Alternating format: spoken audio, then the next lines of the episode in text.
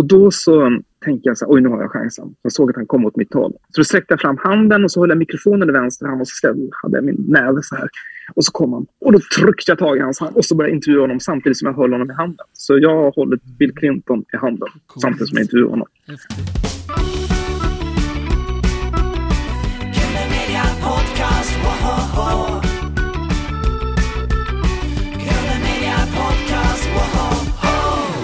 Välkommen till Grund Media Podcast med Carl Magnus Eriksson. Och Jakob Ols. Vem ska vi intervjua idag, Jakob? Eh, Anders Piveblad, Nyhetsmorgon, TV4. Välkommen Anders.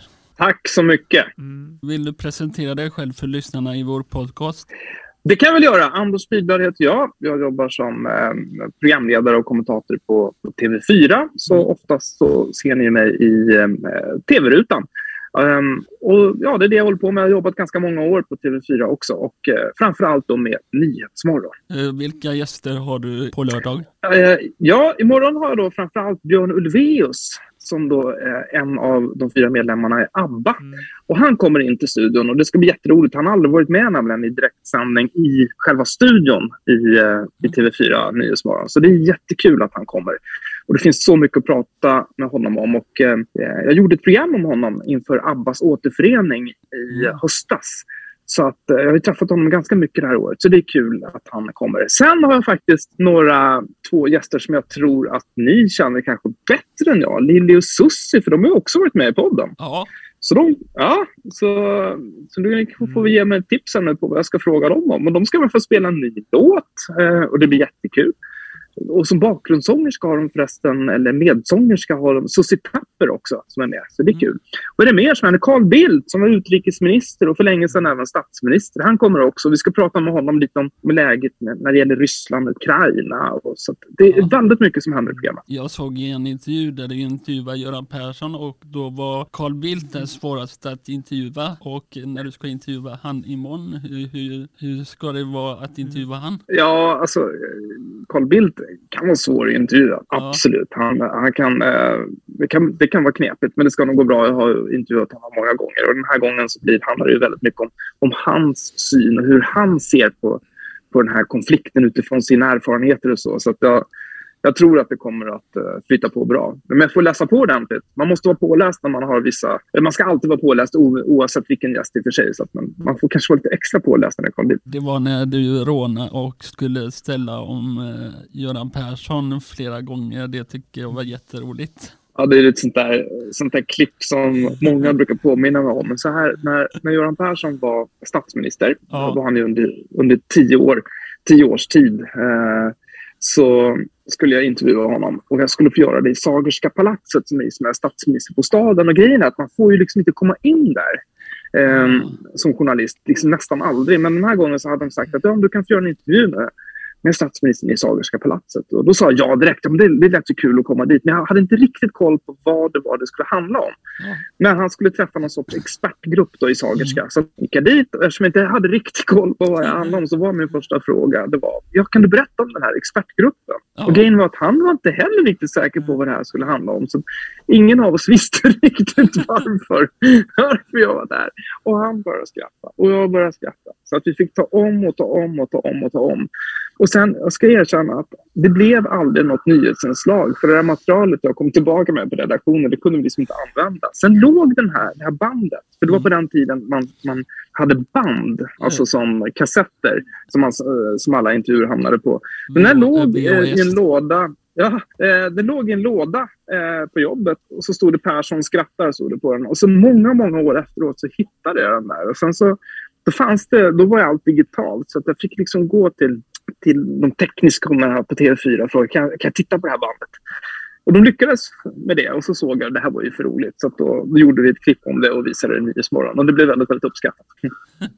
Blev ni kompisar sen? Eh, du och eh, Ja, vi är inte, inte kompisar, vi är inte ovänner heller. Men han är ju en person som jag intervjuat och det är ganska kul så här, eftersom vi har, vi har ju så olika roller så man blir ju som inte kompisar där. Um, för då var ju han statsminister och jag reporter och då ska vi inte vara kompisar. Men uh, det är en bra relation kan man väl säga. Och det har vi och det är väldigt kul att, att träffa honom nu tycker jag. Jag intervjuar honom lite då och då nu för tiden också. Apropå Björn Ulvaeus, har du intervjuat fler i ABBA?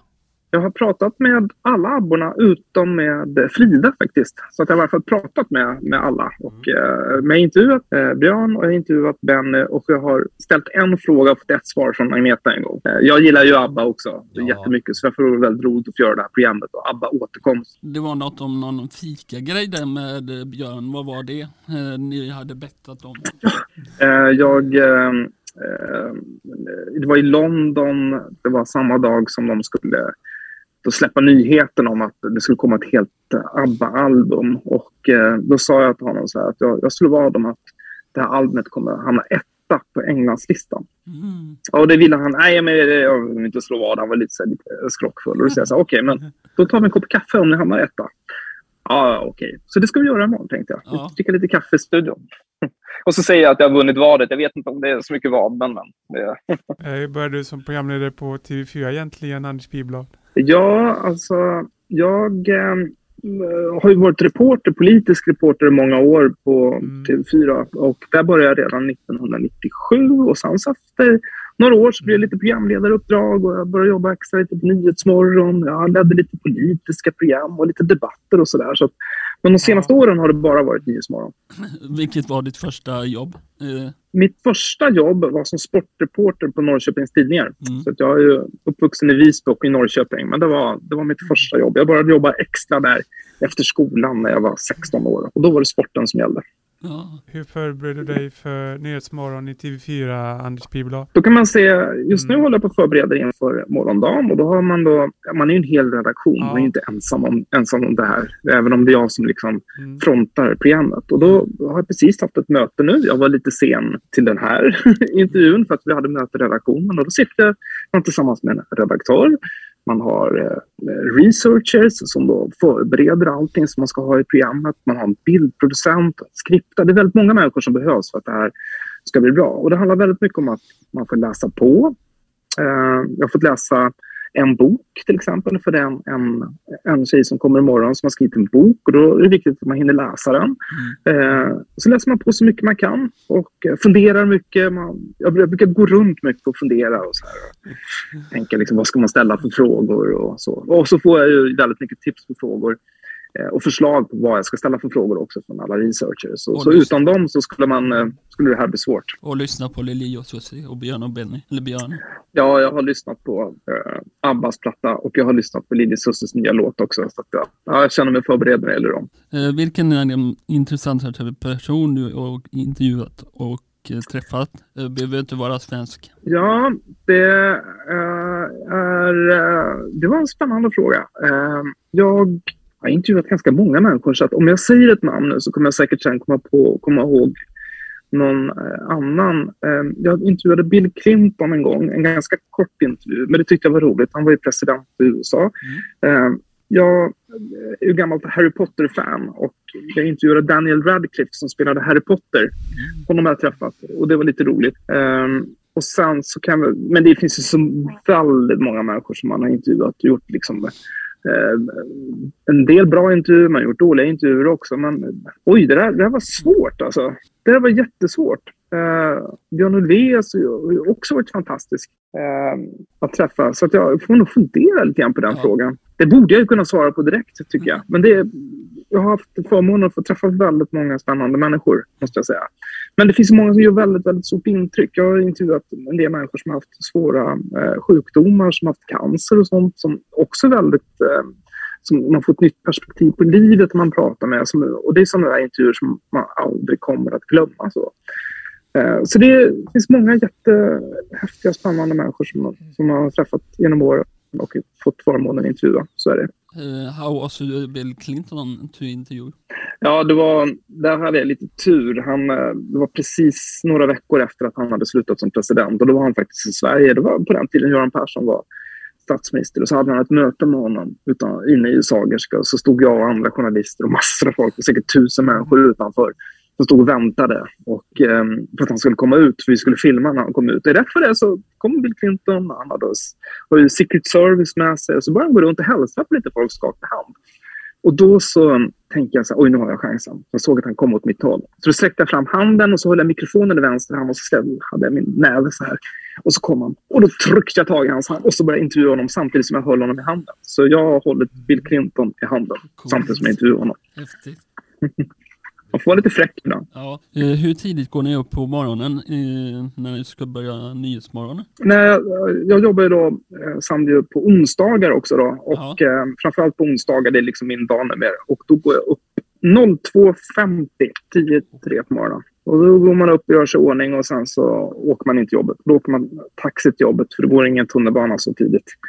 Och då så sitter man eh, den lilla vägen där, då sitter man och läser på lite grann. Eh, lite det sista. Sen kommer man till mm. jobbet och så sätter man igång. Och då har man ju förberett sig kvällen innan förstås. Det har man gjort. Så att, men det är ändå saker. Måste, det kan ha hänt saker under natten utomlands inte mm. minst. Och sådär.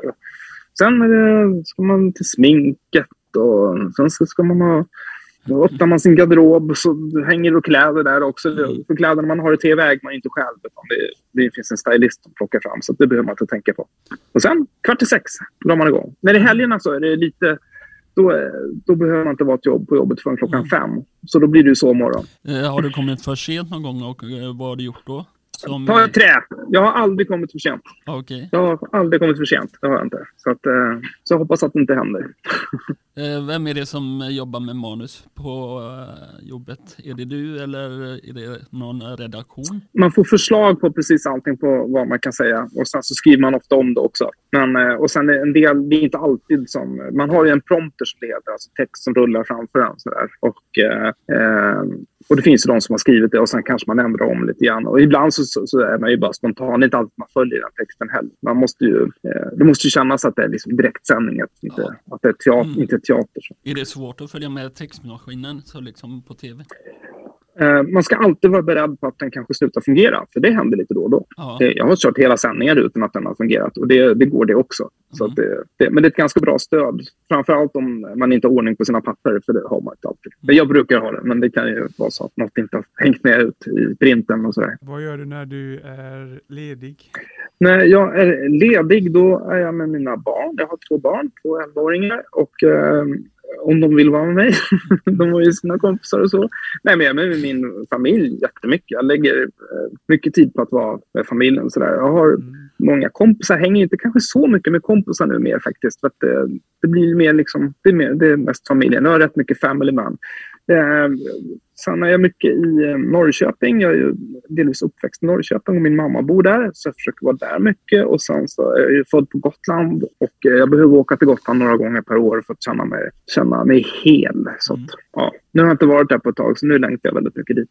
Gillar du älgkvarn? Det är klart. En av de första intervjuer jag gjorde faktiskt var med Plura ska jag säga, i Eldkvarn. Och då var inte jag så gammal och han han sjöng själv faktiskt. En av de första spelningarna han gjorde själv. Och det gjorde han i Norrköping. Så fick jag intervjua honom efteråt. Jag var kanske 17 år eller något. Och han var jättetrevlig.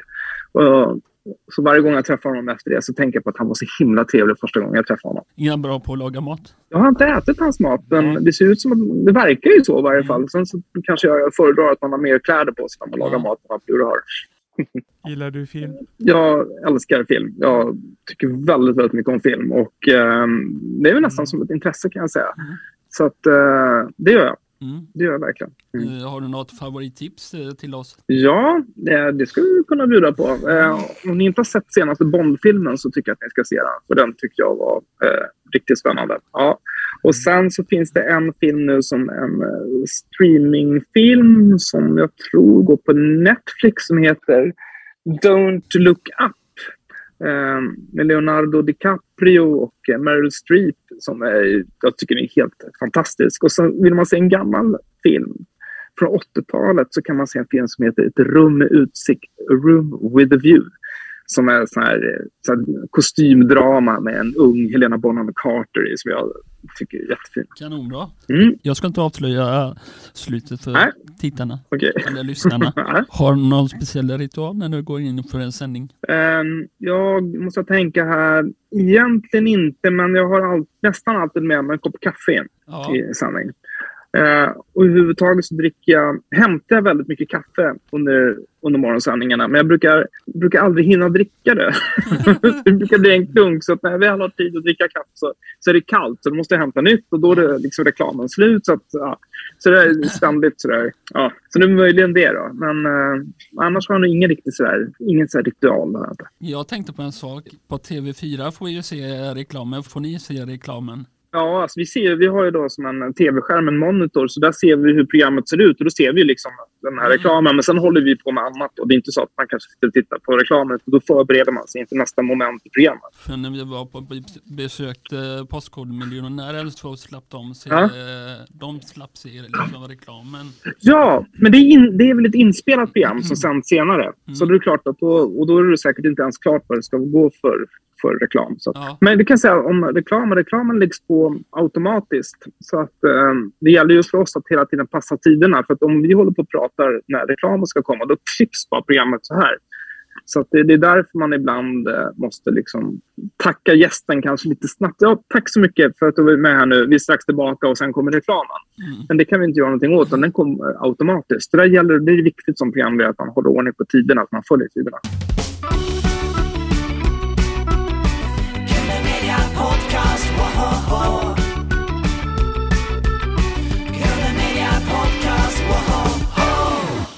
Eh, vad är bäst med Jan Gradvall?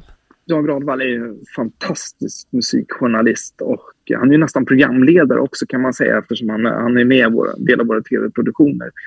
Det är väldigt roligt att spåna med honom, alltså fundera på idéer på vad vi kan prata om. Som för, för ett år sedan ungefär så började vi prata om om eh, gammal 80-talsmusik. Det fanns en genre som kallades för New Romantics. Det var band som Dram Dram, Culture Club, Spandau Ballet som kom ungefär samtidigt.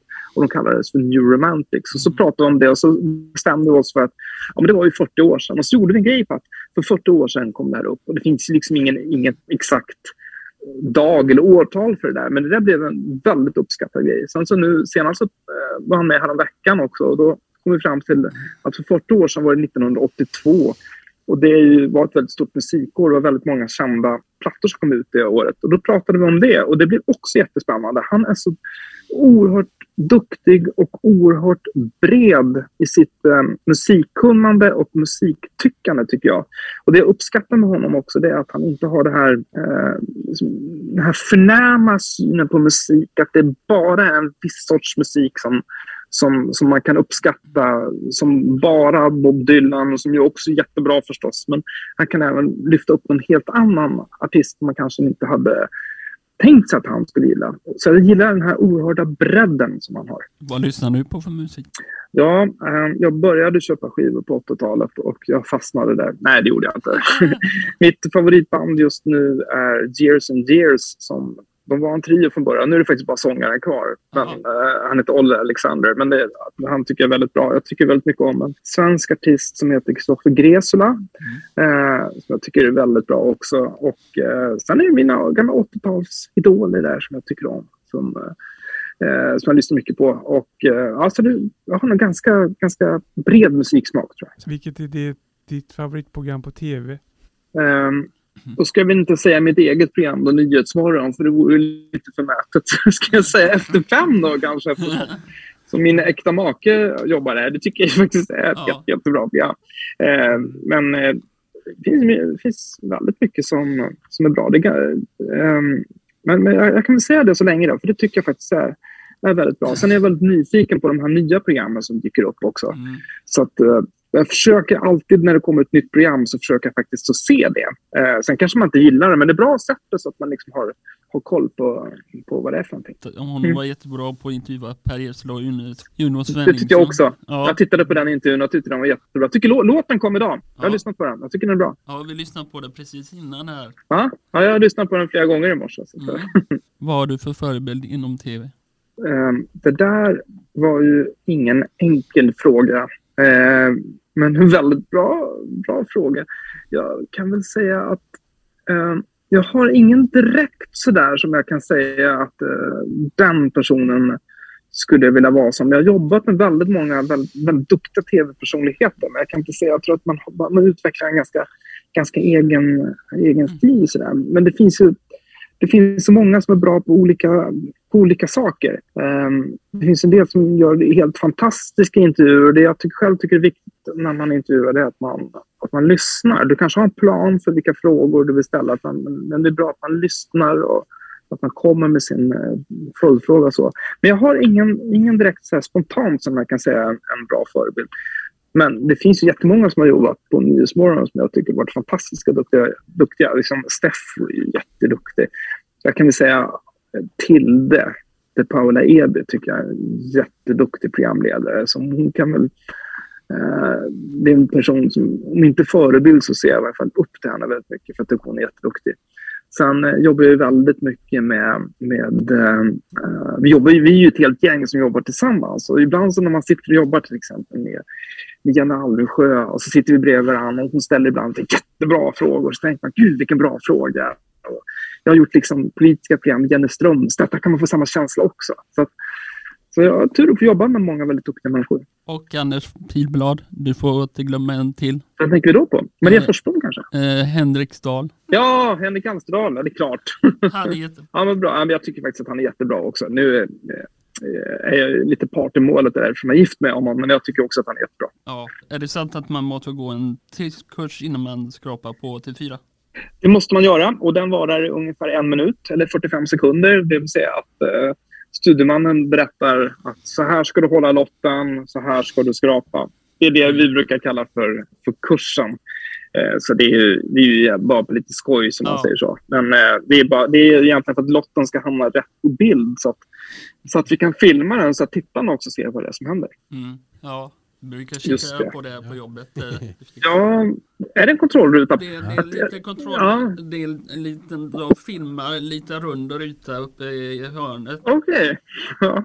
Jag vet inte om det gäller när det gäller den här lotten där i, som man har i direktsändning, men det, Ja, det är möjligt. Man har ju med kontrollanter. Alltså det är inte bara så att, det är inte så att vi har lotterna utan det är ju, det är ju Svenska Spel som har. Så att de har två kontrollanter som är med varje morgon. Så allt går väldigt liksom, eh, noga till. Då zoomar in själva personen. Ja, just det. Mm. Vad, är, vad är det största du har vunnit på en trisslott? Um, ja du, i den mån jag har tagit någon trisslott så kanske det är så 50 kronor. Det, det, var nog länge sedan. Det var länge sedan jag skrapade en triss själv, men uh, ja, typ en femtelapp. Vad har du själv vunnit? 90 kronor men, och så två tv-rutor. Oj, två tv-rutor? Ja. ja. en, ifrån, en ifrån att hamna hos mig. Ja, nästan tre tv-rutor. ja, ja. Nästan tre tv-rutor. Ja, det hade varit häftigt. Ja. Eh, vad skulle du göra om du vann en miljon? Oj. Åh, jag tror att jag skulle lägga de pengarna på att jag och eh, Henrik och barnen skulle göra en sån här härlig resa. Nu kan man ju inte riktigt resa som man vill, men jag skulle lägga de pengarna på banken och sen när man väl kan resa igen så skulle vi åka på en sån här härlig resa, en sån drömresa. Det kanske, jag kanske inte skulle bränna hela miljonen på det, men låt oss säga att det är en bra början. Eh, var ska ni åka då? Eh, jag tror, vi pratar ibland om att det skulle vara så fantastiskt att åka till en sån där eh, paradisö med, vet, med så här vit sand och palmer och sånt där som man kan se på bild eller filmer. Jag vet inte riktigt om de där existerar på riktigt, men jag tror det. Eh, det tycker jag skulle vara riktigt häftigt. Vad är det pinsammaste du har gjort i direktsändning? Oj, det nog... Jag har gjort så mycket pinsamheter så att det är, det är så lätt att man kommer av sig och att man börjar skratta och sådär. Så att, um, det, men det är lite det som är direktsändningens skärm också. Att vad som helst kan ju faktiskt eh, hända. Men jag minns en gång till exempel så, så står jag och pratar med en gäst. Det råkar vara Martin Hansson som pratar mode. Och så säger jag tack så mycket till honom. Och så, ja, så tittar jag in i kameran och så säger jag så här att nu så ska vi få boktips. Och så vänder jag mig om borta vid bordet där då boktipsarna ska sitta det sitter ingen där. och då är det så här, oj, vad var det som hände nu? Mm. Men det var, det, där, där var någonting som hade klickat så de hade inte blivit insläppta i studion heller. För då kunde vi gå till reklam, så det var ju bra. Hur går det till när ni går i direktsändning? Får ni någon lampa på kamerorna? Eller? Det, finns en, och i, det finns en lampa. Och i hörsnäckorna som ni vet eller? Ja, vi får en, dels en lampa som lyser men så har vi en, en studioman som, eh, som styr och ställer i studion. Och hon eller han pekar på vilken kamera det är också för säkerhets skull så så att man vet det. Eh, och sen så har vi också, man har en hörsnäcka så att man har ju, man har ju eh, kontrollrummet så hör man då kanske bildproducenten eller någon skripta eller en redaktör som säger så här, kamera 4 och så vet man att man ska titta i kamera 4. Och man lär sig vad kamerorna heter, vad det är för siffror på dem efter ett tag. Så att, är du nervös när du går in i studion? Nej, det ska jag inte säga att det är. Eh, men jag var det en gång i tiden när jag började gjorde de första programmen. Då, då, då bultade hjärtat eh, lite extra. Men, eh, nej, det är jag inte längre. Eh, men jag kommer ihåg att de första direktsändningarna jag gjorde, och då var jag inte programledare, då kanske jag var ute på fältet och eh, stod på någons plats där någonting hade hänt. Man står som mikrofon och så hör man i hörsnäckan programledaren ställer en fråga till en. Jag var med Aktuellt någon gång när jag jobbade på SVT när jag var väldigt ung. Då var jag nervös. Då var jag väldigt nervös. Du har intervjuat många i kungahuset. Hur var kungen och eh, drottning och eh, de eh, var inte... Ja, eh, jag har faktiskt aldrig intervjuat kungen. Jag har hälsat på honom en gång. Nej, jag har inte intervjuat honom. Men, men eh, drottningen hon är väldigt, väldigt trevlig. Och så har jag intervjuat kronprinsessan vid några tillfällen och prins Daniel och så. så att, nej, de är ju väldigt eh, trevliga och eh, väldigt skickliga och proffsiga, ska jag säga. Så mm. att, eh, ja, nej, men det tycker jag har varit väldigt det har varit kul. Ja, jag såg ett klipp på Youtube igår när du stod, stod vid ett slott för länge sedan och blev intervjuad. Och det var jättebra. Ja, vad roligt. Ja, vad kul. Ja, det gör jag faktiskt. Jag tycker det är väldigt kul att laga mat. Så att jag ska inte säga att jag är så bra på det alla gånger, men eh, jag gillar att laga mat. Sen så blir det ofta så här att jag lagar lite olika mat samtidigt. Så att eh, mina barn gillar en viss mat och sådär och som kanske inte jag är så förtjust i. Jag undviker att äta kött till exempel. Så, men det gillar mina barn, så får ibland att de får köttbullar och så, så försöker jag göra något vegetariskt som jag äter, som jag tvingar på Henrik att äta också. Favoriträtt inför eh, helgen? Eh, jag gillar ju då spanska tapas, för det är ju lite av varje som man kan göra där. Och då har jag faktiskt en sån här favorittapas. Och det är, man brukar kalla dem för kanariska potatisar. Det är alltså små potatisar med skalet på som du eh, kokar som vanligt. Men du ska ha väldigt, väldigt mycket salt i vattnet. Alltså, om det är en och en halv liter vatten så är det kanske fyra deciliter salt i. Så kokar man det och sen får du liksom torka lite på papper. Det blir som en vit hinna runt eh, potatisen. Och det är väldigt, väldigt salt, men det är jättegott. Så det är ett tips. Men man kan inte, man kan inte äta liksom tio sådana, utan man äter tre stycken. Eller någonting. Vad hoppas du under kommande år? Jag hoppas att eh, vi kan fortsätta och utveckla det program vi håller på med, Nyhetsmorgon. Och det gör vi. Jag tycker att vi är duktiga på att vara med i tiden. Sådär. Eh, hoppas kanske göra något mer specialprogram. Och sen är det också så att den stora grejen som händer i år, det är ju faktiskt att vi har ett val i höst. Och då gör vi en massa program inför det valet De gör en massa specialgrejer i Nyhetsmorgon och så också. Och jag hoppas att vi ska kunna göra det här så bra som möjligt så att, så att alla tittare känner att när de ser på oss att de får, att de får veta mer och att de kan fatta liksom bra beslut själva när de så småningom ska rösta. Och det, det känns som en viktig uppgift och en rolig uppgift. Vad har ni för kommande projekt framöver? Ja, jag hade faktiskt jag har lämnat in några förslag på lite såna extra projekt, men det kan vi inte riktigt prata om, men som, som jag skulle vilja göra. Men eh, de, det som är framöver nu det är att vi fortsätter med eh, Nyhetsmorgon och det blir, jag kommer vara både programledare, jag kommer, kommer att kommentera politik och det är lite så vi fortsätter. Och sen får vi se om det kanske blir lite specialprogram också. Får se. Ska ni ha samma, jag tänkte på det med studion och nere, kommer ni utveckla det eller kommer ni ha samma koncept eller kommer ni köra det? Vi, har ju, ja, vi jobbar ju mycket med bildskärmar och sådär ja. uh, och det kommer vi fortsätta med. Så det fortsätter vi utveckla också och mm. uh, det tycker jag blir ganska snyggt och dessutom begripligt sådär för tittaren. Särskilt om det är ett komplicerat uh, och svårt ämne så tycker jag det är väldigt bra att man kan förstärka det genom att, eh, att man använder de här bildskärmarna på olika sätt. Det är en väldigt fin studio med vita soffor och eh, stora skärmar och så. Ja, vad roligt att du säger det. Det är jag jätteglad för att höra. Vi har något som heter Fem snabba till Anders Pilblad. Mm, spännande. Ja.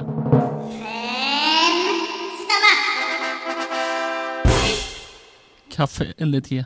Kaffe. Kallt eller varmt? Varmt kaffe och jag vill ha svart kaffe. Absolut inget socker i, för det är det värsta jag vet. Abba eller Yazoo? Oj, det där var jätte, jättesvårt. Um, jag gillar ju båda, men jag säger ABBA för de har gjort så väldigt mycket mer musik. Vinyl eller Spotify? Uh, vinyl. Journalist eller författare? Och jag har ju skrivit två böcker, då får man kalla sig författare. Men jag säger nog journalist, för jag känner mig som en journalist som också har skrivit böcker. Eh, Gotland eller Stockholm? Gotland, säger jag då. Jag ju, älskar Gotland, jag älskar Stockholm också. Men äh, ja. Björn och Benny eller Leo, Leo så att säga. Oj, oj, oj. Ähm, alla fyra är ju supertrevliga. Så att, äh, men när det gäller musiken så får jag nog ändå säga eh, Björn och Benny. Jag är ju jätteförtjust i musikalen Chess till exempel. Ja. Gotland eller Norrköping? Oj, båda platserna är ju jätteviktiga för mig. Eh, jag brukar säga att jag i hela mitt liv har alltid längtat tillbaka till Gotland. Mm. Eh, och så är det ju. Men jag tycker väldigt mycket om att vara i Norrköping också. Så att det får bli både och. Det är mina tre städer här i livet är ju Stockholm, Visby, Norrköping. Så är det ju. Vad tycker du om att det har varit stridsvagnar på Visby, Anders Pilblad? Alltså det är ju så här att jag, eh, min, min, pappa han var ju militär på Gotland. Han jobbade på P18 som, som regementet hette och fortfarande heter väl. De har ju byggt upp det igen. Så, att, så för mig var inte det så jättekonstigt. Mm. det var ju, när jag var liten, när jag var på pappas jobb så stod det stridsvagnar där så jag tänkte inte så mycket på det.